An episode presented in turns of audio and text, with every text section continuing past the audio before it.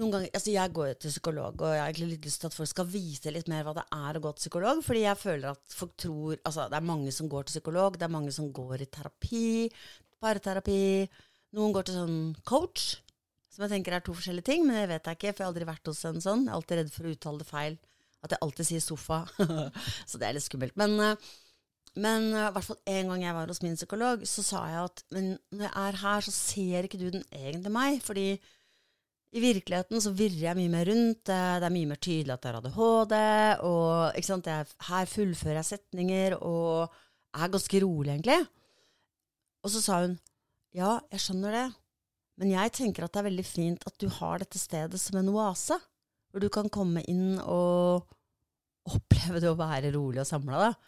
Og det er jo kanskje én sånn ting som en time hos psykolog virkelig kan gi. At du bare det er ikke nødvendigvis at det du snakker om, er så veldig dypt og veldig Det er ikke at du får vite noe som du på en måte var helt umulig å tenke seg til på egen hånd, men det er den at du setter av tid til refleksjon. da. Det tenker jeg liksom, det burde virkelig folk gjøre nesten uansett om de har problemer eller ikke. Når de har sagt takk for, til alle som ikke gjør det, som ikke har problemer, for det er jo veldig vanskelig å få time hos psykolog. Med mindre man har masse penger. Ja, altså jeg har jo ofte eh, sagt, ytret, på forskjellige steder at vi alle burde ha en fast psykolog, akkurat som vi har fastlege. Fordi man vet aldri når problemene kan dukke opp. Det er mye bedre å starte å ta tak i problemene når de er tidlig kommet, enn når du virkelig har gravd deg ned i en skikkelig svart depresjon. Da er det mye vanskeligere å komme ut av den depresjonen. Så jeg syns det er helt latterlig at vi tar eh, eh, mageproblemer og underlivsproblemer mer alvorlig enn vi tar psykisk helse. For når psykisk helse bryter sammen, da er det ingenting. Da har du ingenting. Eh, det er, hodet ditt er aller viktigste du skal ta vare på. Eh, sjelen din er det du det er, Du er helt avhengig av å ha et godt forhold til deg selv og til andre. Og da at vi underprioriterer psykisk helse så mye som vi gjør, det syns jeg er en skam, i tillegg til at psykisk helse er fysisk helse. Altså det som skjer med oss uh, psykisk, setter seg eh, setter spor i kroppen. Altså det viser jo all den forskningen på ensomhet og alt som heter giftig emosjonelt stress. Altså at uh, det å bli utsatt for utstøtelser og rasisme og vold og det å leve med sorg eller ikke sant Alle disse tingene setter spor i kroppen i form av eh, eh, ødelagte immunforsvar og, klusser med fordøyelsen og søvnen vår, og det igjen er drivere inn i eh, spiseforstyrrelser, alle typer avhengigheter, hjerte-karlidelser, autoimmune sykdommer, depresjon, kreft til og med. Um, det, diabetes det har med hele kroppen å gjøre når noe skjer med sjelen. Så Derfor syns jeg det er helt avsindig at ikke alle går i terapi.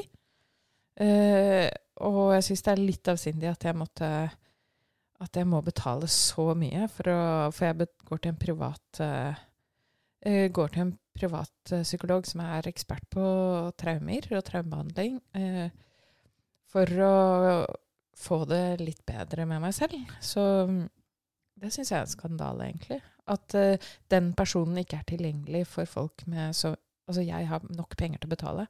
Den personen, den personen burde vært tilgjengelig for alle. Ja, jeg er helt enig. Altså, det er jo ikke heller noen tvil om at da ville vi spart ganske mye penger på andre Altså alle de fys... Altså forskjellige mellom det fysiske og psykiske. Det, men altså, mm, det er utrolig Vi ville spart så mye penger på det. Og det er av og til sånne ting som skjer i verden som gjør at jeg tenker sånn Er jeg veldig dum? Fordi jeg kunne eventuelt tenkt er jeg veldig smart fordi at jeg skjønner det. Men du vet når noe er så opplagt, det er så opplagt at du må um, At man må bruke tid på psykisk helse. Så, uh, jeg skjønner ikke at ikke det bare er ta tak i det. Det er, det er jo som å sette penger inn på, på bok. Det er, å, det, er liksom, det er, det smarteste en regjering kan prioritere, da. Um, ja. Fire ganger det norske forsvarsbudsjettet fire ganger i året, det norske forsvarsbudsjettet, er det det koster oss og, i, med folk som har en tapt barndom pga. vold, overgrep, mishandling. Altså alle langtidskonsekvensene i form av alle sykdommene, at man ikke blir arbeidsfør, og alle de skatteinntektene som man taper på det. Altså, det er så avsindig, et så avsindig pengesluk. Hvis vi skal snakke bare samfunnsøkonomisk, men vi må jo ikke snakke som om folk bare er utgiftsposter. Det handler jo om at dette er tapt kreativitet og glede gjennom hele samfunnet. Det er en skam, da. Eh, så for å ufarliggjøre hva som skjer hos terapeuten, da. Det er helt jævlig. Jeg har vært hos terapeuten nå. Jeg kommer til å gråte de neste to dagene. Være litt sånn introvert og vanskelig. Eh, bare fordi jeg må bearbeide det som har skjedd. Så, så ufarlig er det, altså. Men det hørtes ikke ufarlig til det hele tatt, da. Kan du fortelle om den timen? Orker du det? Ok. Ja, altså jeg går jo hos en som kan mye om traumer, og um, altså først må jeg bare si jeg, i, jeg har gått i terapi i utrolig mange år. Eh, den første jeg gikk til, var en psykiater eh, som sa at jeg skulle ta med alle klærne mine eh, og legge meg ned eh, Nei da. Hi-hi-hi! Det var en vits. Det var en psykiatervits. Hvis psykiateren din sier at du skal ta av deg klærne, så ikke gjør det. Det er feil. Det er ikke behandling. jeg gikk hos en psykiater som hjalp meg å finne ut av um, min posttraumatiske stresslidelse. For det visste ikke jeg at jeg hadde. Jeg var veldig disassosiativ. Vi ville ikke blitt venner på den tiden, Janne. Hva er uh, dissosiativ? Det innebærer alt fra at du bare ikke klarer å være helt til stede i din egen kropp, og hvordan du, du klarer ikke å kjenne hvordan du egentlig føler det. Du klarer ikke å kjenne din egen kropp, egentlig, dine egne behov. Eh, jeg sliter jo fortsatt med det. Jeg kan jo ha problemer med å kjenne om jeg er sulten eller eh, sint, f.eks. Klarer ikke helt å kjenne forskjell på det. Um, til eh, dissosiativ eh, personlighetsforstyrrelse, hvor du eh, spalter deg selv helt opp, egentlig. Um, og da kan du tildele eh, spesifikke egenskaper til forskjellige deler av personligheten din. da. Det er det mange ofte blander med schizofreni. De tror at det å være schizofren er å være spaltet personlighet. Men det er det ikke. Schizofreni er veldig knytta til um, psykose, rett og slett. Eh, at du hører stemmer. At du ikke sant? Det er som om noen står og skriker til deg inni hodet ditt, og du har vrangforestillinger. Men eh, disse assosiative personlighetsforstyrrelser handler mer om å spalte deg opp. Det er en helt naturlig ting å gjøre, egentlig. Hvis du er veldig trua, så kan du dele deg opp sånn at en del av personligheten din blir den aggressive forsvareren. Det er veldig vanlig å ha en sånn aggressiv, litt sånn dørvaktfunksjon. Fordi hvis du er et barn som er i en truende situasjon, så trenger du en dørvakt. En som passer deg. Og så vil du kanskje spalte av en del av personligheten din som er den veldig myke, såre, redde, det bitte lille barnet. Og så er det jo Altså, det fins jo folk som har opptil 20-30 forskjellige personligheter gående det er forska på det. Man kan skifte blodtype eh, og hjerterytme, og alt endrer seg med hvilken personlighet du befinner deg i, da. Ikke sant? Um, så, men jeg var jo disassosiativ på den måten at jeg levde i et helt merkelig narrativ, da, hvor jeg eh, trodde at alt jeg hadde opplevd, var normalt. Sånn at eh, når du må vri på sannheten sånn at den ikke er sann, så blir veldig mye veldig vanskelig. For du må lage en helt sånn konstruert verden, egentlig, hvor det du har opplevd, er helt vanlig. Men det var det ikke. Kan jeg, kan jeg spørre om det kan være litt mer konkret, bare? Sånn at det er litt lettere å skjønne. Du, du trenger jo ikke fortelle om deg selv hvis ikke du vil. Du kan jo gi et eksempel. Eh.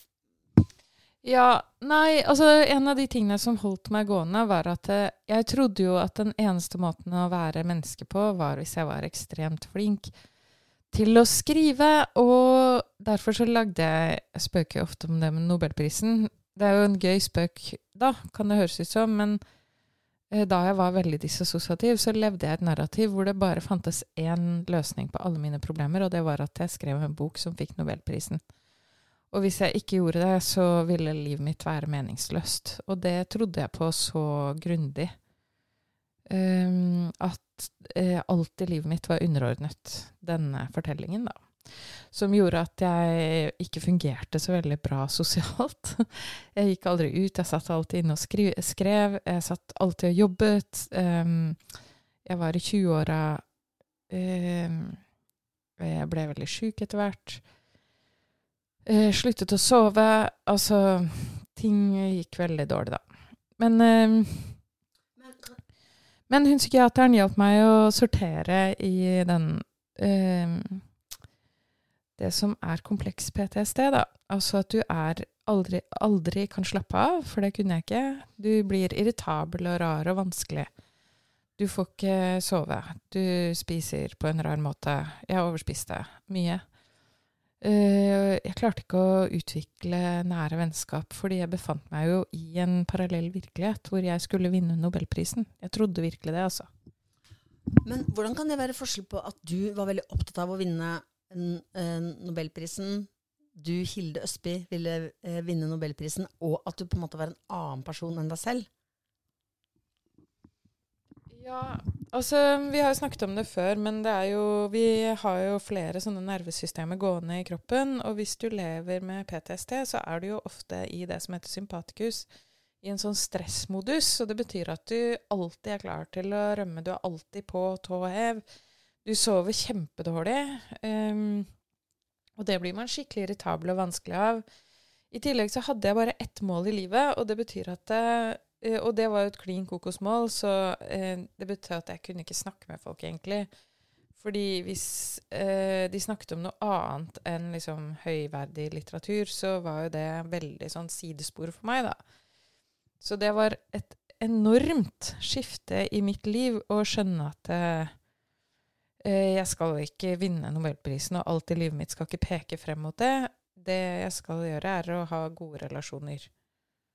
Eh, og at alt mulig rart kan skje, egentlig.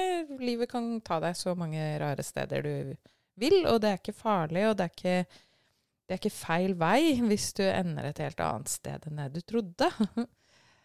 og det um, Det var jo takket være hun første psykiateren min, og så har jeg gått til mange Jeg gått til flere parterapeuter, og uh, jeg har også gått til mange psykologer. Og ingen av dem har egentlig hjulpet meg før jeg fant han eh, som jeg har nå, som er sånn Han vet hva traumer er. Og punkt én. Punkt to Han vet at traumer sitter i kroppen og har noe med kroppen å gjøre. Så veldig mange av terapeutene jeg har hatt, har jo snakket inn i hodet mitt, og det Jeg er ganske smart. og jeg kan masse psykologspråk, så jeg er veldig flink til å få sånne gjennombrudd i gåseøynene. Så jeg gråter litt. Jeg gråter litt, og så virker det som jeg har skjønt noe. Og så går jeg ut av det rommet, og så har ingenting skjedd med meg, egentlig. Eh, så det er jo selvfølgelig bare bullshit. Jeg kan snakke og snakke og snakke, har ingen funksjon for meg. Eh, forskningen til Bessel van der Kolk viser at eh, til, og med pustens synkronisering med hjerterytmen endrer seg når du er, eh, når du er traumatisert. Det vil si at det, når pusten og hjerterytmen ikke er synkrone, du skal få snakke snart, Janne. Jeg bare babler av, jeg. Jeg skal bare si ferdig. Jeg skal bare si ferdig. Hva er det? Nei, det si at jeg, jeg, sitter ikke og tenker på å få snakke. Jeg sitter bare og lytter veldig intenst. Okay. Eh, når hjerterytmen og pusten ikke er synkrone, så, og det er veldig funksjonelt hvis du har det vondt, da kjenner du ikke kroppen ordentlig. Så sant, du har kobla fra kroppen, egentlig. Når du, når du puster sånn grunt, eh, og hjertet banker på en, i en helt annen takt. Sånn at eh, da eh, blir du litt nummen i kroppen, og det er kjempefint hvis du har mye smerter, hvis du har blitt voldtatt eller utsatt for vold eller overgrep eller noe som helst som gjør at du har mye emosjonell eh, og fysisk smerte gående, så er det veldig lurt. Men når du lever sånn alltid, så er du egentlig helt frakobla deg selv, da. Så eh, i mange år så var eh, yoga det eneste som funket for meg. Og Bessel van der Kolk har er den første som forsket på bruken av yoga på traumatiserte mennesker. Og det har en stor, stor, stor effekt. For det tvinger deg til å eh, puste i eh, synk med hjerterytmen din. Og det tvinger deg inn i det som heter parasympaticus. Altså det Man må gjøre veldig stressende ting i yoga, men med rolig pust. Så du gjør f.eks. en stressende ting som å stå på hodet. Og da, hvis du er redd da, så vil du naturligvis prøve å puste fort. Sånn Hjelp, hjelp, hjelp! hjelp, hjelp! Eh, men siden det er yoga, så skal du puste rolig gjennom alt som er skummelt. Gå ned i bro, f.eks. Det er også skummelt. hodet ditt kan jo smelle i bakken, det gjør det ofte, da eh, puster du allikevel så rolig du kan gjennom alt som er farlig. Og på den måten så, så lærer du deg å roe ned hele kroppen og nervesystemet selv når du egentlig er redd. Og det endrer liksom alt. Fordi jeg var redd for alt i hele livet. Og gjennom yoga så lærte jeg meg å bare puste rolig og slutte å være redd. Og um, nå har jeg endelig møtt en terapeut som skjønner alle disse tingene, sånn at han snakker inn i det som har med kroppen å gjøre. I hvordan jeg puster, i hvordan, eh, hvor følelsene ligger i kroppen. I dag snakket vi om angst, all angsten jeg har. Angst hele tiden. Um, det kan ikke du høre på meg, fordi jeg er veldig flink til å puste meg rolig, da. Jeg puster og jeg ler og sånn. Når du ler, eller når du gråter, så er det en naturlig regulering av følelsene. Så det er noe du selv gjør for å roe ned en veldig intens følelse. Så hvis du blir veldig sint og begynner å gråte, så kan det virke litt frustrerende. Men egentlig er det en helt naturlig måte å bare få utløp for en intens følelse. Roe, du roer ned hele systemet. Så etter at du har grått, så vil hele kroppen din være mer avslappa. Du har roet deg selv ned, rett og slett. Og når du ler, så setter du deg selv automatisk i parasympaticus, altså dette avslappede nervesystemet. Det som man, det som man kommer i når man puster rolig i yoga, og når du er i parasympaticus, da er du åpent for vennskap, kjærlighet, fortellinger rundt bålet. Eh, det har med latter, sang og glede å gjøre. Så eh, i terapien i dag så fant vi ut at jeg eh, begynner ofte å le eller lager en vits når følelser blir altfor intense. Bare for å komme ut av følelsen, da. Er dette noe du kjenner igjen, Janne? Jeg kjenner i hvert fall veldig igjen på deg, at du ler veldig mye. Og jeg, altså jeg ler jo også veldig mye og tuller veldig mye. Men jeg har jo jobba også mye med å ta meg selv litt alvorlig, da. Og ikke at liksom, jeg ikke er en vits. Men det er sant, og jeg syns jo noen ganger det kan være vondt å se på. Hvis noen ler veldig mye, og jeg ser at du har det egentlig ikke så veldig bra. Eh, og prøver, at de prøver å le bort ting, eller ja. Men, eh, så dere snakket om det, men det var ikke sånn at du sto Det var ikke sånn at du sto på hodet. Du bare, når det var sånn, Dere bare snakket om det. Uh, nei, altså det var bare et eksempel. Uh, på hvordan yoga tvinger deg til å være avslappet i veldig stressende situasjoner. Fordi hvis du stresser mens du står på hodet, så faller du ned.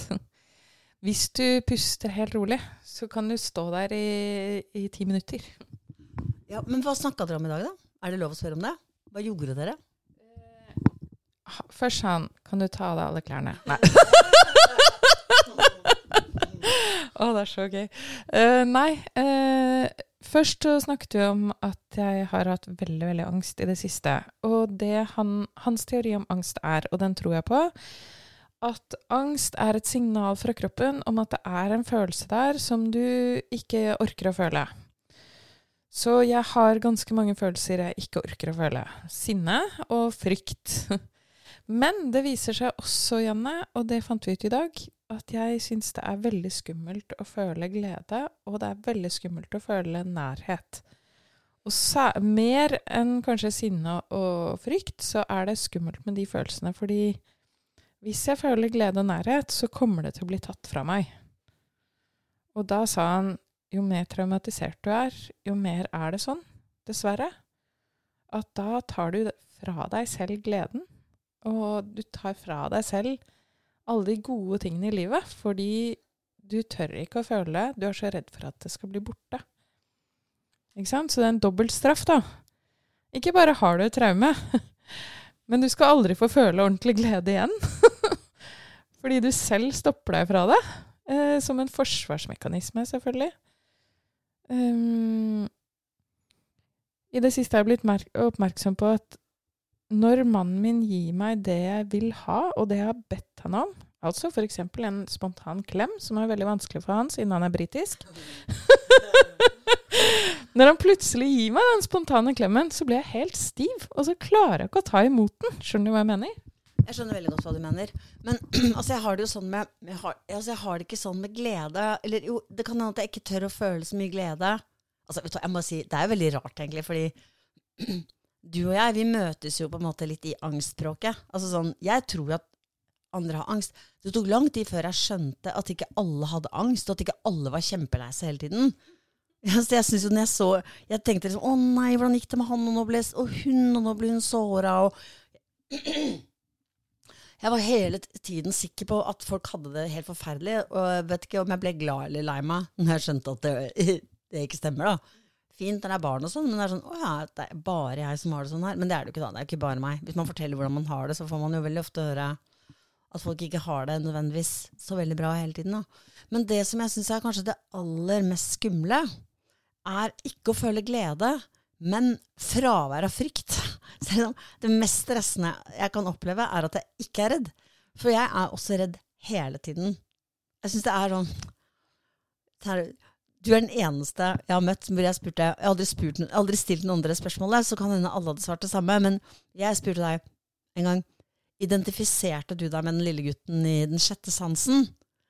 Som er en film som handler om en gutt som går rundt og ser eh, døde mennesker, og som er skutt altså, i hodet, og som har, har det veldig vondt. og henger døde fra, fra takbjelker når han kommer inn i et rom. Ja, han ser, han ser det andre ikke ser. og har veldig mye empati. Em, og jeg spurte deg om du hadde det sånn, og da sa du at du også hadde det sånn. Um, for at det er en sånn Og han sier uh, at han alltid er redd. Så han er alltid redd og føler alltid veldig mye empati. Og det er ganske stress. Og det er ikke sånn det, ikke, det høres så teit ut å si det, fordi det høres ut som jeg sier at jeg, vet du hva, jeg er, hvis du tar et vanlig menneske, da, så er de kanskje sånn På en skala fra 1 til 10, så er de kanskje sånn 33, f- kanskje til og med 5. Noen kanskje syv. Jeg er så empatisk. Jeg sprenger alle grenser og bare Å, stakkars han, stakkars han, stakkars han. Og så eh, Å, jeg må fortelle en gang, så var det noen som sa til meg at eh, det er ikke det, det var skikkelig fælt. Ok. Eh, noe som er et faktum, det er at man Verden trenger alle slags mennesker, så man trenger også mennesker som ikke de er, altså de er ikke empatiske i den forstand at de, de går ikke inn og føler andres smerte. De, bare, de forstår at ting er vondt, og at noe må gjøres, men de, de, får ikke en sånn Det treffer dem ikke fysisk i magen. Så, og det, det er jo mennesker som er veldig viktige, f.eks. Eh, som kan komme til en ulykke og, si, og ringe politi eller sykebil og si det ligger en mann her som ikke har hode, og en kvinne uten ben. Det, det er viktig informasjon. Det er ikke noe vits i med meg som bare prøver å ringe og bare griner og griner. Det har ingen hensikt. Så, men det var noen som sa det til meg på en sånn veldig sånn ekkel måte en gang. Sånn, uh, ja, det er jo ikke sånn, jo ikke sånn empa Man tenker at empati er så bra, og som er sånn uh, Ja, ja, nei, uh, altså som, som å sette meg på plass. Som om jeg tror at jeg er bedre enn andre. Det handler ikke om det. Men det er dritslitsomt å være så redd hele tida. Og den empatien er jo sikkert også bare Det har jeg ikke tenkt på før nå, men den er jo sikkert bare um, fryktens en, en konsekvens av frykt.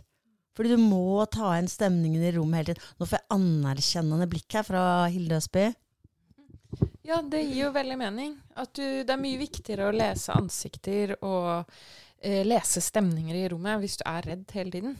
For eh, da vet vi jo at allerede fra før, altså mennesket er hardwired sånn at vi er mer på jakt etter avvisning enn etter bekreftelse. For det er jo mye viktigere å få med seg den avvisningen. For hvis du ikke får med deg den, da står du i fare for å virkelig dumme deg ut, da. Hvis du gjorde noe dumt, folk blir sinte, og du ikke får det med deg engang, da får du ikke reparert relasjoner, og så blir du kastet ut av gruppa. Men det er klart at når du er alltid i det som heter sympatikus, da, når du er stressa, hypervigilant heter det, Janne, sånn som du beskriver at du har det. Du er hele tiden redd, da. Ikke sant? Så du er hele tiden på vakt, da. Da eh, er det er veldig slitsomt å ha det sånn. Og jeg husker så godt hvordan det er å ha det sånn, fordi nå har jeg det ikke sånn hele tiden lenger. Og det er liksom de siste ti årene at jeg ikke har det sånn hele tiden lenger. Nå har jeg det sånn bare i perioder, eller sånn en periode, en periode av en dag, eller en periode av en måned, eller ikke hele tiden, ikke all min våkne tid, eh, etter at jeg begynte å gjøre yoga. Og det var som å våkne opp, liksom. Det var som å våkne opp fra å ha levd i en annen verden. Det var sånn The Matrix. Du vet The Matrix. Han er egentlig i en fake verden, og så eh, våkner han opp. Han tar den eh, rø eh, røde eller blå pillen, et eller annet. Han tar en pille, våkner opp, og plutselig han hvordan plutselig våkner han til den virkelige verden. den som er utenfor dataprogrammet. Sånn var det å gjøre yoga. Det er jo litt kleint å komme trekkende med The Matrix. Men det var virkelig som å våkne fra en eh, grå og helt annen virkelighet, og så se alt helt klart, og um, bli nesten en annen, ass. Men du må jo ha noen øyeblikk hvor du er lykkelig og glad og ikke redd, da, Janne? Jeg? Nei, nei, nei, det, nei, det har jeg ikke. Nei, det tror jeg ikke. Kanskje jeg ler? Jeg vet ikke. Nei, det tror jeg ikke. Altså, jeg har jo ehm, jeg, kan ha, jeg kan ha kanskje noen sånne øyeblikk innimellom hvor jeg føler, hvor jeg føler sånn enorm Altså får sånn lykkerus, men det er sjeldent, ass. For jeg øh, snakket med en veldig dum psykiater en gang som var sånn Kanskje du ikke har ADHD, kanskje du er manisk depressiv? Eller har bipolar? Og da var jeg hos legen, var jeg hos legen min, som jeg har gått i mange år, og så sier hun sier han øh, sier nei, nei, nei jeg, jeg har ikke noen sånne oppturer. Og så ser han på henne, og så sier legen min sånn Nei, nei, nei, hun har ikke noen oppturer.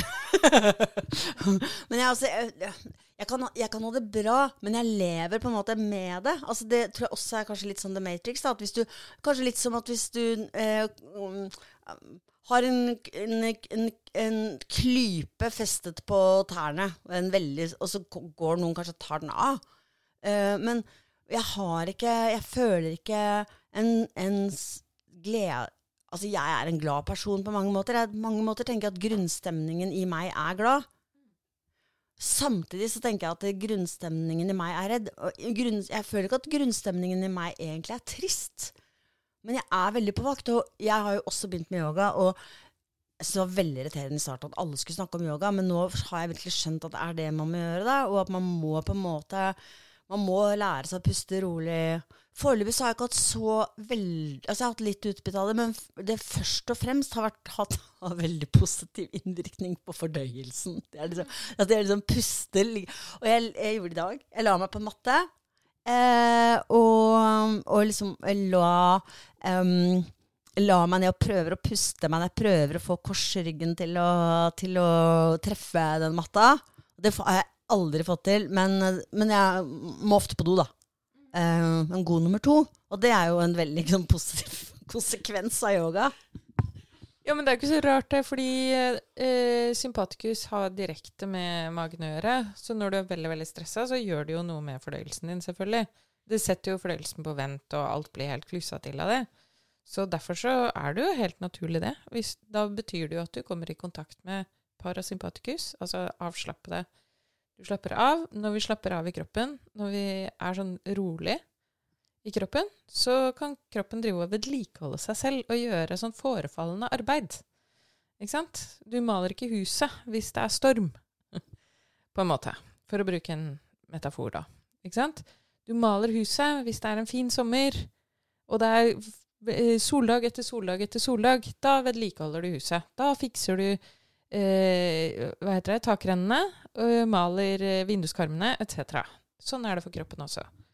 Så da eh, har du god fordøyelse og sover, og sant, immunforsvaret er på topp osv. Det, ehm, det kjente jeg også når jeg begynte med yoga, at jeg plutselig begynte å sove en hel natt. Og det hadde jeg aldri gjort før i mitt liv. Altså før jeg begynte med yoga. Jeg har møtt flere som har blitt sånn hekta på yoga av den grunn. At plutselig kan man sove. Og det er helt fantastisk. For, fordi hvis du er redd hele tiden, hvis du er hele tiden på vakt, da våkner du hele tiden. Hele natta gjennom, ikke sant? Ja, men du er så utrolig søt når du sover, og det her er jo egentlig ikke noe koselig, så jeg burde egentlig ikke synes at det var noe fint, men det er veldig søtt. At du ligger sånn og sukker mens du sover. Vi sover sammen, skjønner dere. men ja, ja, du har ligget i overkøye en gang. Altså ikke at jeg har overkøye hjemme. Å nei, ingen må tro at jeg har, så- har det så trangt at jeg har overkøye. Nei, vi var på hyttetur. Men da, da, da, da hørte jeg flere ganger sånn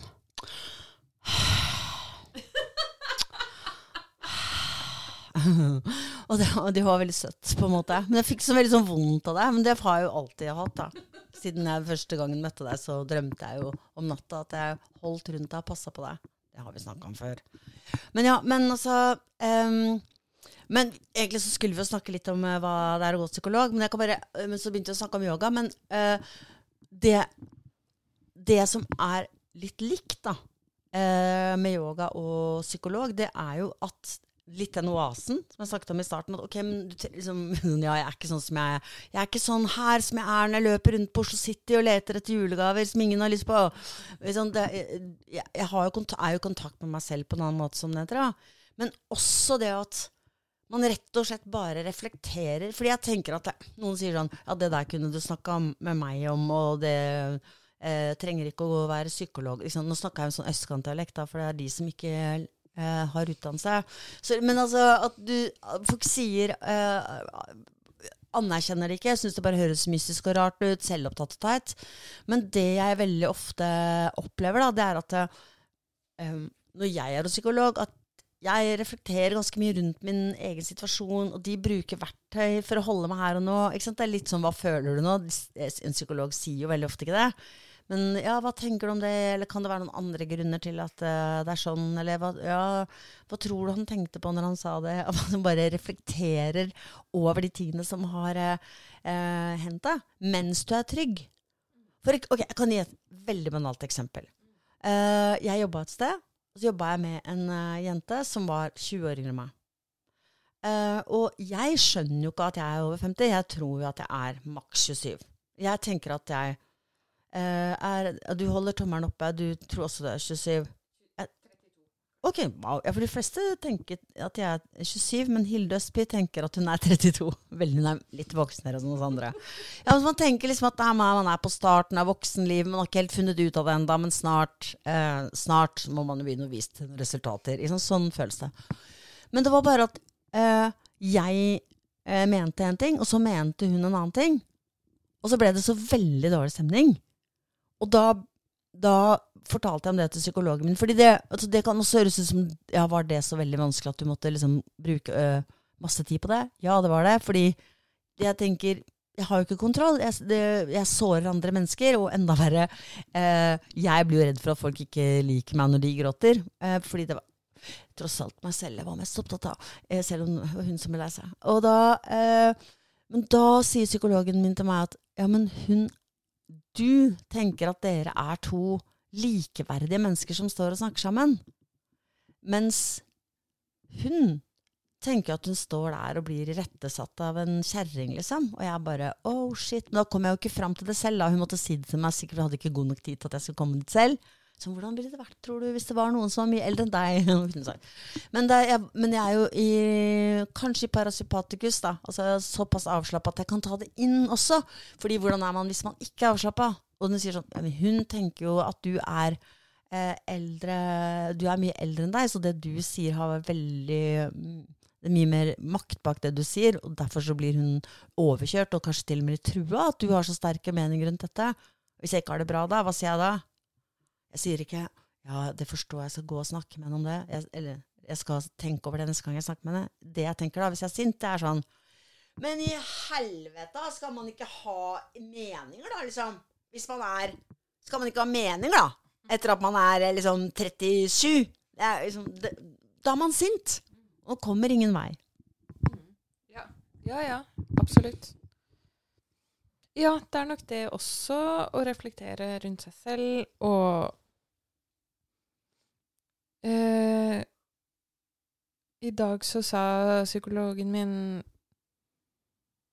Jeg ser at du ser bort nå. Så du sier at du skammer deg, og så ser du bort fra meg. Nå skal du slutte å se bort fra meg, og så skal du tenke over hva som skjer når du ikke skammer deg i denne situasjonen. For jeg skammet meg over at jeg følte sinne, da. Eh, for jeg syns ikke jeg fortjener å føle sinne heller. Men jeg har jo masse sinne, så jeg må jo et eller annet sted må jeg gjøre av det. Vanligvis eh, har jo det gått kjempebra, for jeg bruker sinne til å spise med. Så det er jo Det har jeg håndtert superbra hittil. Eh, så da så jeg Tusen takk til Findus for all den deilige fiskegratengen du har, jeg har fått for å roe meg ned istedenfor å si fra om ting som er skikkelig dårlig i livet mitt. Eh, fiskegrateng er mye bedre enn å si fra. og så Og så skal jeg prøve å komme gjennom den skammen, og det kan jeg ikke gjøre aleine, altså. Og jeg tror egentlig ikke jeg kunne gjort det med en venn heller, eh, for det er veldig intimt, på en måte. Og det er jo sånn at han ser det med en gang han ser hva jeg driver med. Han ser at nå Ok, nå slår Hilde blikket ned, og hun skammer seg, og nå trekker hun seg inn i seg selv, går inn i et sånt spor.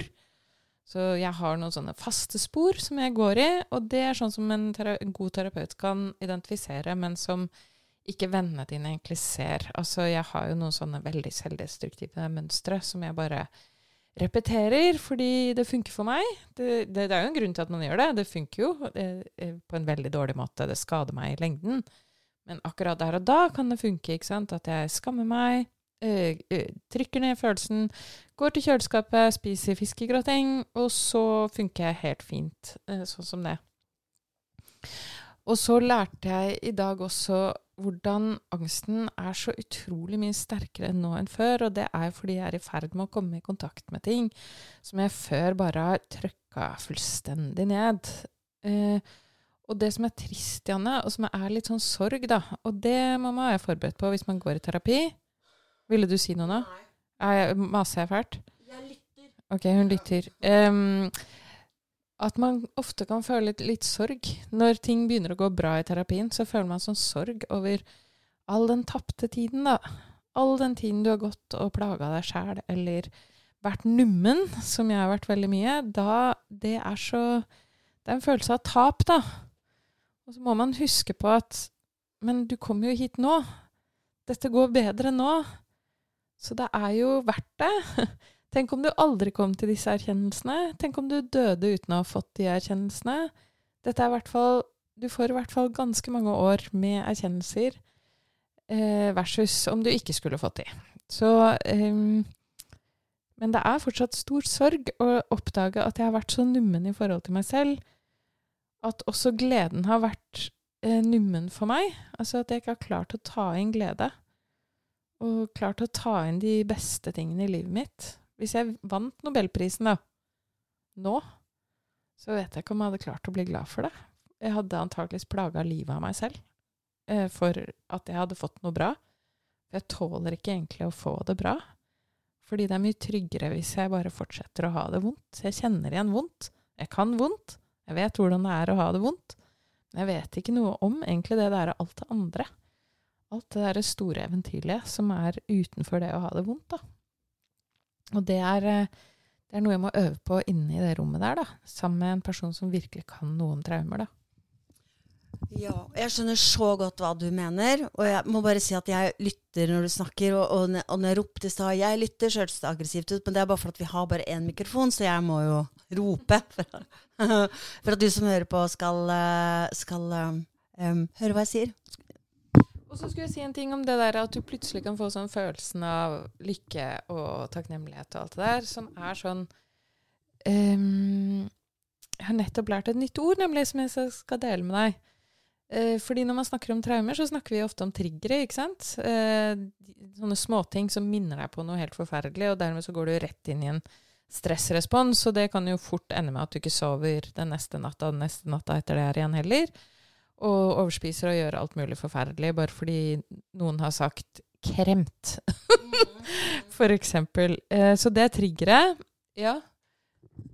Jeg kan bare også nevne en, et eksempel på trigger. På den verste perioden av livet mitt så var det sånn at jeg, jeg hadde datoangst. Fordi jeg følte at det var så mange ting jeg skulle gjort som ikke jeg hadde fått gjort. Så da jeg gikk ut av døra hjemme, så var, så var jeg veldig redd for at jeg skulle se en avis. fordi på forsiden av aviser så står det dato. Og jeg orket ikke å tenke på hvilken dato det var i dag. Er, uh, man, man, snakker om triggere på det nivået. Liksom. Noen har det som verst. Da Da er det ikke mye fri. Nei, da kan jo alt sette i gang noe, da. Um, men så har jeg lært det motsatte ordet, at det motsatte ordet er glimmer. Og det er det du beskriver, den følelsen der av sånn Plutselig ser du at himmelen er blå, og plutselig føler du en dyp mening og tilhørighet og takknemlighet over at livet er vakkert og godt på tross av de helt, helt, alle de helt forferdelige tingene som skjer. Og det må vi samle på, bli litt flinkere til å vite at det er noe som heter glimmer. Du skal samle på det. Det er dine små sånne glimt av lykke og mening. Eh, fordi vi legger jo mye mer merke til triggere enn vi legger merke til disse sto, liksom store, små øyeblikkene, da. Av mening og tilfredshet, da. Men altså, jeg, er veldig, jeg er veldig glad for at du sa det med glimmer. Det, det, det er jo noen som snakker om takknemlighet også. At man skal huske på altså skrive opp tingene man vært takknemlig for. Men det som er litt interessant med alle de tingene der, at før det som var litt sånn ullent og litt sånn uh, alternativt, er jo nå helt oppe i toppforskning. Uh, det er sikkert sagt før. Jeg syns det er fascinerende. At for å bli frisk så må du liksom gjøre sånn yoga, eh, tenke ikke tenke positivt, men tenke, tenke, eh, finne positive ting og tenke på eh, Se etter om det er noe du er takknemlig for, osv. Det kan være f.eks. månen. Men kan jeg bare si én ting? For det, er bare, det var bare at jeg, jeg um, Det du sa om at du var ulykkelig eh, nei, at, at det er tungt å bli lykkelig igjen. Nei, og fordi du tenker over at, du, eh, at du har kasta bort tid på en måte på å være ulykkelig. da. Og jeg kjenner meg veldig igjen i det. fordi at eh, jeg hadde det også sånn, og jeg fortalte det også til min psykolog, at jeg hadde hatt en sorgreaksjon fordi at jeg hadde begynt å få det bedre. Og da fortalte hun at hun hadde, at hun, eh, hadde snakket med mange som hadde vært eh, overvektig, syk, altså det som blir kalt for sykelig overvektig. Så kan man diskutere de begrepene der til man blir grønn i trynet. Men de hadde, altså i hvert fall folk som hadde hatt en ve vekt som gjorde at de ikke ble sett av andre mennesker, ble ignorert. Eh, folk så vekk. Når de kom inn på bussen, så så folk ned. Eh, de fantes ikke. Og eh, at det var ganske ofte at når eh, folk hadde gått gjennom en sånn eh, slankeoperasjon, så fikk de eh, Plutselig folk så på dem, folk smilte, flytta seg. Når du kom inn på bussen, så flytta de seg så du fikk plass ved siden av dem. Går inn på et parfymeri, så får du eh, hjelp av betjeningen, og du skjønner plutselig at er det sånn andre har det? Er det sånn det er å gå inn på et parfymeri? At noen med en gang kommer bort og sier 'kan jeg hjelpe deg'? Eh, ofte før man kanskje vil Jeg er veldig tynn og pen, altså jeg blir som angrepet med en gang kommer inn i et parfymeri. Bare 'Hva vil du ha?' Nei, men altså men, og det, og det, um, men jeg må bare si noe, noe trøstens ord om det. Fordi at eh, de gangene jeg har følt en sånn sorg over uh, at ting er i ferd med å bli bedre, og tenkt at alt annet har vært uh, vondt Det Altså, man har hatt det mye vondt, men man har også hatt det mye bra. Og det jevner seg liksom litt ut, og man ser litt annerledes på ting. Og det, er, det kommer ikke til å bare være at du er ulykkelig over de årene du har levd på, på jorda. Altså, OK, jeg, for eksempel, jeg kan si da vi møttes, da, første gang vi møttes, første gang vi så hverandre, for eksempel, det tenker jeg at det var Da tror jeg du egentlig var glad at du så sånn det ser ut som en venn som kommer der. ikke sant? Og også sånne ting tenker jeg er veldig bra at jeg bruker meg selv som eksempel. For eksempel da du møtte meg, Janne. Da hadde du det veldig bra. Men vi har jo hatt det gøy. Og vi har bada. Og vi har tulla, og vi har ikke sant? Det, og du har andre ting i livet ditt som gir deg glede. ikke sant? Men jeg bare tenker at um, man kan føle en sorg over at ting er tapt. Men når man får det bedre, så blir man også flinkere til å huske på gammel glimmer. Ja, ja, det er helt sant, da. Og det viser jo forskningen også. Når man er deprimert, så husker man jo ikke de bra tingene engang. Eh, man klarer ikke å se for seg en spennende fremtid, og man har en tilsvarende sånn svart hukommelse, da. Hvor du bare husker at alt var dårlig. Så hvis du tenker det om livet ditt, da, alt var dårlig før, så er det en deprimert måte å huske på, rett og slett. Um, nei, og jeg har ikke vært ulykkelig eller nummen hele tiden hvor vi har, vært, uh, har kjent hverandre, Janne. Det uh, stemmer ikke. Uh, men jeg går inn og ut av det veldig ofte. Og jeg får sånn det, det er så lett for meg å gå inn i det sporet hvor jeg er sånn nummen. Eh, hvor jeg bare ikke orker, hvor jeg mister kontakten med kroppen, hvor jeg ikke kjenner om jeg er sulten eller må tisse eller et eller annet. Eh, hvor jeg bare eh, fortrenger at jeg er sint eller bekymret eller Og jeg er veldig bekymret for veldig, veldig mange ting.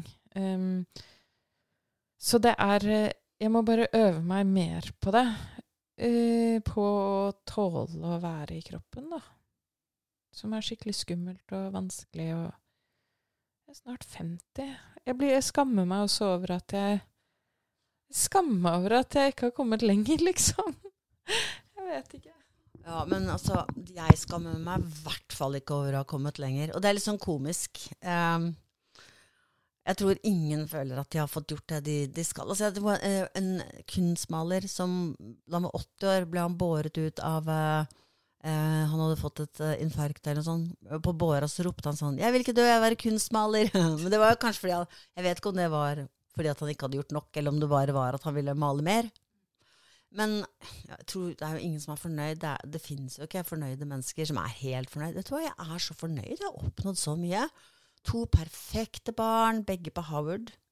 Eh, Et ekteskap som har gått på skinner fra dag én. Det er jo ingen som har det. Jo, det finnes folk som er sånn. Hvem da? Jo, det gjør det. Men du liker ikke de folka? Nei. Men du, tror du at det for, ja, Tror du at det går an at du liker dem veldig godt, og så liker ikke de deg? Eller omvendt? Tror du det? Eh, ja, det har jo skjedd meg, det.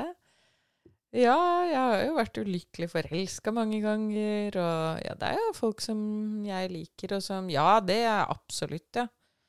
Herregud. Ja, det er faktisk en du kjenner som jeg liker, men jeg tror ikke hun liker meg. Men vi skal ikke snakke om det her nå. Men jeg merka jeg møtte her om dagen at det var en fyr Jeg bare mislikte han sånn intenst. Altså, han var ikke slem eller noe sånt. Han var Jeg bare jeg bare mislikte han så sinnssykt, og da ble jeg så stressa, fordi jeg tenker at det er gjensidig. Akkurat som når jeg møtte deg, så tenkte jeg sånn Å, vi liker hverandre. Vi har litt av de samme fargene, liksom litt av den samme måten å gå på. Litt det samme. Jeg bare følte at vi var veldig like. Eh, mens han så tenkte jeg sånn Uh, og, da, og da følte jeg meg jo litt trygg, da. Mens jeg ser han, så tenker jeg at uh, æsj, deilig har jeg ikke lyst til å se noen gang. Og da tenker jeg automatisk at han tenker det samme med meg. Og da ble jeg jo dritstressa, og så kunne jeg ikke gå heller. Så da ble jeg sittende og smiske og smiske og smiske. Det var så interessant liksom, prøve å rette opp ting jeg syntes jeg hadde reagert negativt på for litt siden. da. Sånn, uh, det var så interessant det du sa i stad. Kan ikke du fortelle litt mer om asfalt? Det er så gøy å høre om. Man bare blir helt sånn men du, um, ok, så uh, hvis noen sitter og lurer på om man skal gå til psykolog, da, for å oppsummere på en eller annen måte, så tenker jeg ok, greit.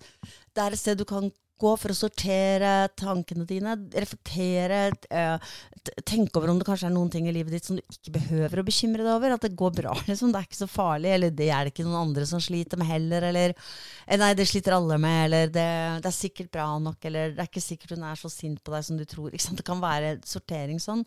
Men også det at du um, at, du gir, at du gir deg eh, anledning til å kjenne til hvordan du faktisk har det. Da, for det er jo den eneste måten å kunne komme noe videre på.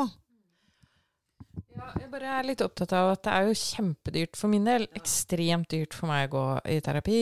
Og eh, hvis du ikke har råd til det, så er det jo, går det an å lese bøkene til Nicole La Perla, som eh, jeg digger veldig mye. Eller Bessel van der Kolk eller uh, Bruce Perry eller Ikke sant? Det er noen Det fins en hel kanon. Eh, Gabor Maté. Det fins en hel kanon av fantastiske eh, tenkere og terapeuter som kan forskninga, som kan snakke, liksom skrive inn i det å ha traumer. Og som kan hjelpe deg til å forstå mer gratis, for du kan låne på biblioteket eller laste ned veldig billig som e-bok.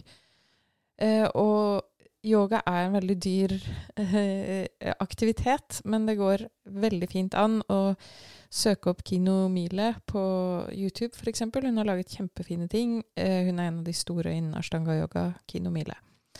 Eller andre yogier som legger ut video gratis. Bare sånn at man kan gjøre disse tingene for seg selv uten at det koster så utrolig mye penger. Så jeg bruker så mye penger på å bare ha det som vanlig bra. Men du, så snakker du om the holistic uh, therapist. Mm. Ja, det er Nicole Laperla. Hun har skrevet tre bøker nå eh, som handler om traumer. Og hvordan eh, håndtere livet når man lever med traumer. Så Nicole Laperla er, har en fantastisk Instagram-konto som heter The Holistic Psychologist, som jeg også anbefaler. Det er veldig få Instagram-psykologer jeg anbefaler. Jeg vil si de fleste bare skriver crap. Ja. Men så tenker jeg altså, man kan også selvfølgelig sette seg på venteliste. Det, tar, det tar lang tid. Men eh, en depresjon går jo ofte ikke over med det første, så er det like greit å bare sette seg på venteliste. Men, eh, og det er jo mange andre ting man kan gjøre òg, sånn gå tur, bla, bla, bla. Men, eh, men um, en ting som jeg Det er helt umulig ikke nevne nå, det er at hvis man ikke har en psykolog, så kan man snakke med en venn. Men som du sier, det er jo ikke sånn at man kan snakke med en venn om alle de tingene. Og jeg tenker at det ikke går. For det første så syns jeg veldig ofte at venner De skal veldig ofte trøste. De skal si 'Å nei', men liksom du sier jeg føler, så, jeg føler meg så liten i forhold til andre. Du er jo ikke det! Du er jo like Du er større! Du er kjempestor i forhold til andre. De er bare du sier til meg. det er sånn du sier til meg hvis jeg sier jeg føler meg dårlig. Nei, du er jo kjempeviktig! Du er så viktig for så mange! Det hjelper ikke meg når jeg er deprimert. Um, er det da jeg sier det? Jeg tror jeg mer sier det når du tenker at du ikke At ikke din mening skal ha noe vekt. Det er da jeg prøver å si at eh, du er viktig. Ja, men, jeg, ok, men der fikk vi da av Hilde Østby eh, Fikk liksom møte litt av den aggresjonen som hun har eh, jobbet med hos terapeuten sin. Ser hun p- smiler når hun ser på meg, men ha, lyser hat ut av øynene. Ja, jeg prøvde å si til deg at du eh, eh, At jeg hadde det dårlig, og du er bare sånn Nei, du er kjempekjør, men, men ok, men det er bra du sa det, Fordi da må jeg jo spørre Hva trenger du av meg? Hva, hva, hva skal jeg gjøre for deg, liksom? Som jeg kan gjøre, da.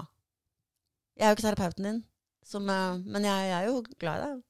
Mer enn han. Hva vet du om det? Han sier at han er veldig glad i meg, og at jeg må kle kle av meg alle klærne hele tiden.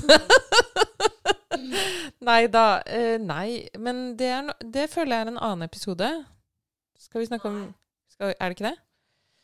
Nei, hva man trenger av hverandre. Jeg syns det er litt sånn vanskelig å si noe om. Ja. Uh, det er derfor det er veldig deilig å gå i terapi, fordi jeg vet akkurat hva jeg trenger i den relasjonen. Jeg ber om noen helt spesifikke uh, ting. Han kan hjelpe meg med å se meg selv utenfra på en måte som ingen andre kan. Eh, også, og det hjelper at jeg betaler han. Fordi når jeg betaler han, så kan jeg virkelig bestille noe. Jeg skal dette. Jeg vil dette i fremtiden. Du må hjelpe meg dit. Mens jeg har ikke en så tydelig bestilling i forhold til et vennskap. Det, det, er, det er jo en av grunnene til at ikke det er en terapisituasjon. Ja, men det også er kanskje litt Jeg må bare si det. eh, Psykologen din kommer sikkert dit etter hvert, men de, det er ikke sikkert at de bestillingene er så gode. Sånn, Jeg må skal dit. Liksom, hvor da? Jeg må lære meg å tåle å bli skjelt ut uten at jeg skal begynne å grine. Altså, man har jo mange, veldig mange rare ideer om hvor man burde være, og hva man burde tåle. Og, eller at man skal, hvor fantastisk man skal være, eller hvor mye man skal jogge. Eller, ikke sant? Man har jo masse ideer. Det kan, litt, det kan faktisk være litt av sorteringsjobben hos en psykolog. Eh, og kanskje særlig når det gjelder deg, som på en måte har en veldig intellektuell tilnærming til din egen kropp og din egen hjerne. At det er sånn Nei, jeg tror ikke du skal jobbe med det, liksom. ja, nei, nei, min bestilling er jo bare at jeg trenger å komme i kontakt med følelser. Det er jo ikke noe Det er absolutt ikke en Jeg har ikke noen store visjoner for min psykiske helse. Jeg sa til psykologen min jeg har egentlig akseptert at jeg alltid skal ha det veldig vondt, og alltid leve med en depresjon og traumer. Og så sa han, og det var utrolig rart å høre noen si det, nei, det trenger du ikke. Det, du, du trenger ikke det. Det kommer til å gå bra. Du kan bli helt. Du kan bli helt fin, sa han. Og det betyr ikke at man aldri skal oppleve vonde følelser, fordi alle kommer alltid til å oppleve vonde følelser. Men jeg har veldig mørke, tilbakevendende depresjoner og veldig mange triggerpunkter som gjør meg deprimert og redd og gir meg angst og søvnproblemer. Og det kan jeg kanskje slippe. Og det er egentlig det jeg har lyst til, da. Men altså, betyr det at det er ingenting jeg kan gjøre for deg? Liksom, er det ingenting jeg kan gjøre for deg nå, liksom? Eh, Bare det er ett fett hvordan jeg er. Jeg kan være kjempesur, og det har ikke noe å si. Jeg kan skjelle deg ut, det har ikke noe å si. Nei, jeg kan gjøre jeg kan, jeg, kan, jeg kan gjøre noe for deg. Kom igjen, da. Du kan jo bare være vennen min. Det holder lenge, det. Det holder lenge, det. Du trenger ikke noe mer enn det. Bare være en venn. Du må ikke gjøre noe bestemt. Ingen behøver å gjøre noe bestemt når man er venner. Vi må slutte episoden nå. Nå har vi lært ganske mye, da. Har ikke folk lært masse nå? Folk har lært masse. Kan jeg bare si eh, noe, få lov å si én ting helt til slutt? Du ser du er litt flat, altså. Stakkar, du har litt tårer i øynene nå. Uff a meg. Etterpå skal jeg gjøre masse gode ting som venner gjør for Men eh, jo, at um, En gang som en, en pleier, jeg vet ikke hva jeg skal si, altså en ansatt i psykiatrien eh, sa til meg at jeg sa sånn «Jo, det er slitsomt å spørre venner om hjelp. Og da sa hun sånn Ja, og det skal du ikke heller. Eh, For eh, altså, vennene dine, de relasjonene du har, de skal jo på en måte være eh, til glede. Altså, dere skal gå på kino, dere skal gjøre morsomme ting sammen. Eh, og, og det er jo også Altså, man kan jo bli litt underlegen i forhold til vennene sine, eller føle seg veldig underlegen hvis man hvis man krever for mye av dem, og i hvert fall krever at de skal liksom komme i um, Sånn som man vil når man er deprimert, at folk skal ringe på og si sånn Hei, hei, jeg kommer, jeg satt av kvelden for å trøste deg. Deg, deg, deg. Eh, for sånn er jo ikke virkeligheten. Så er det bedre å ha menn som kan ta deg med på kino. Faktisk. Men um, Men jeg vet ikke om det var så veldig viktig at jeg sa det, men nå har jeg sagt det, så da får jeg ikke gjort noe med det. Så vær en venn, da. Det Hilde sa, da, eh, før jeg sa alt det andre. Vær en venn, bare vær vanlig. Vær en helt vanlig person. Ok, helt vanlig. Ha det fra meg nå. Jeg vet ikke, sånn observante lytter får kanskje med seg at Hilde ikke har spurt meg om hva jeg trenger, men det Ikke tenk på det. Ha det! Ha det! Ha det! Ja, men jeg har jo tenkt å være en helt vanlig venn for deg, Janne. Det, jeg har ikke tenkt å spørre deg hva du trenger, for jeg skal gi deg det jeg kan. Det jeg kan. Når jeg kan det. I dag var det kransekake. Ok, ha det bra. Gå til psykolog. Sett deg på venteliste. Ikke prøv å hjelpe vennene dine, for det klarer du ikke like. Nei da. Men vær en venn. Og ikke vær så redd for å gå i terapi, eller for terapi. Hvis du var det. Hvis ikke du var det, ikke bli det nå. Ok, ha det!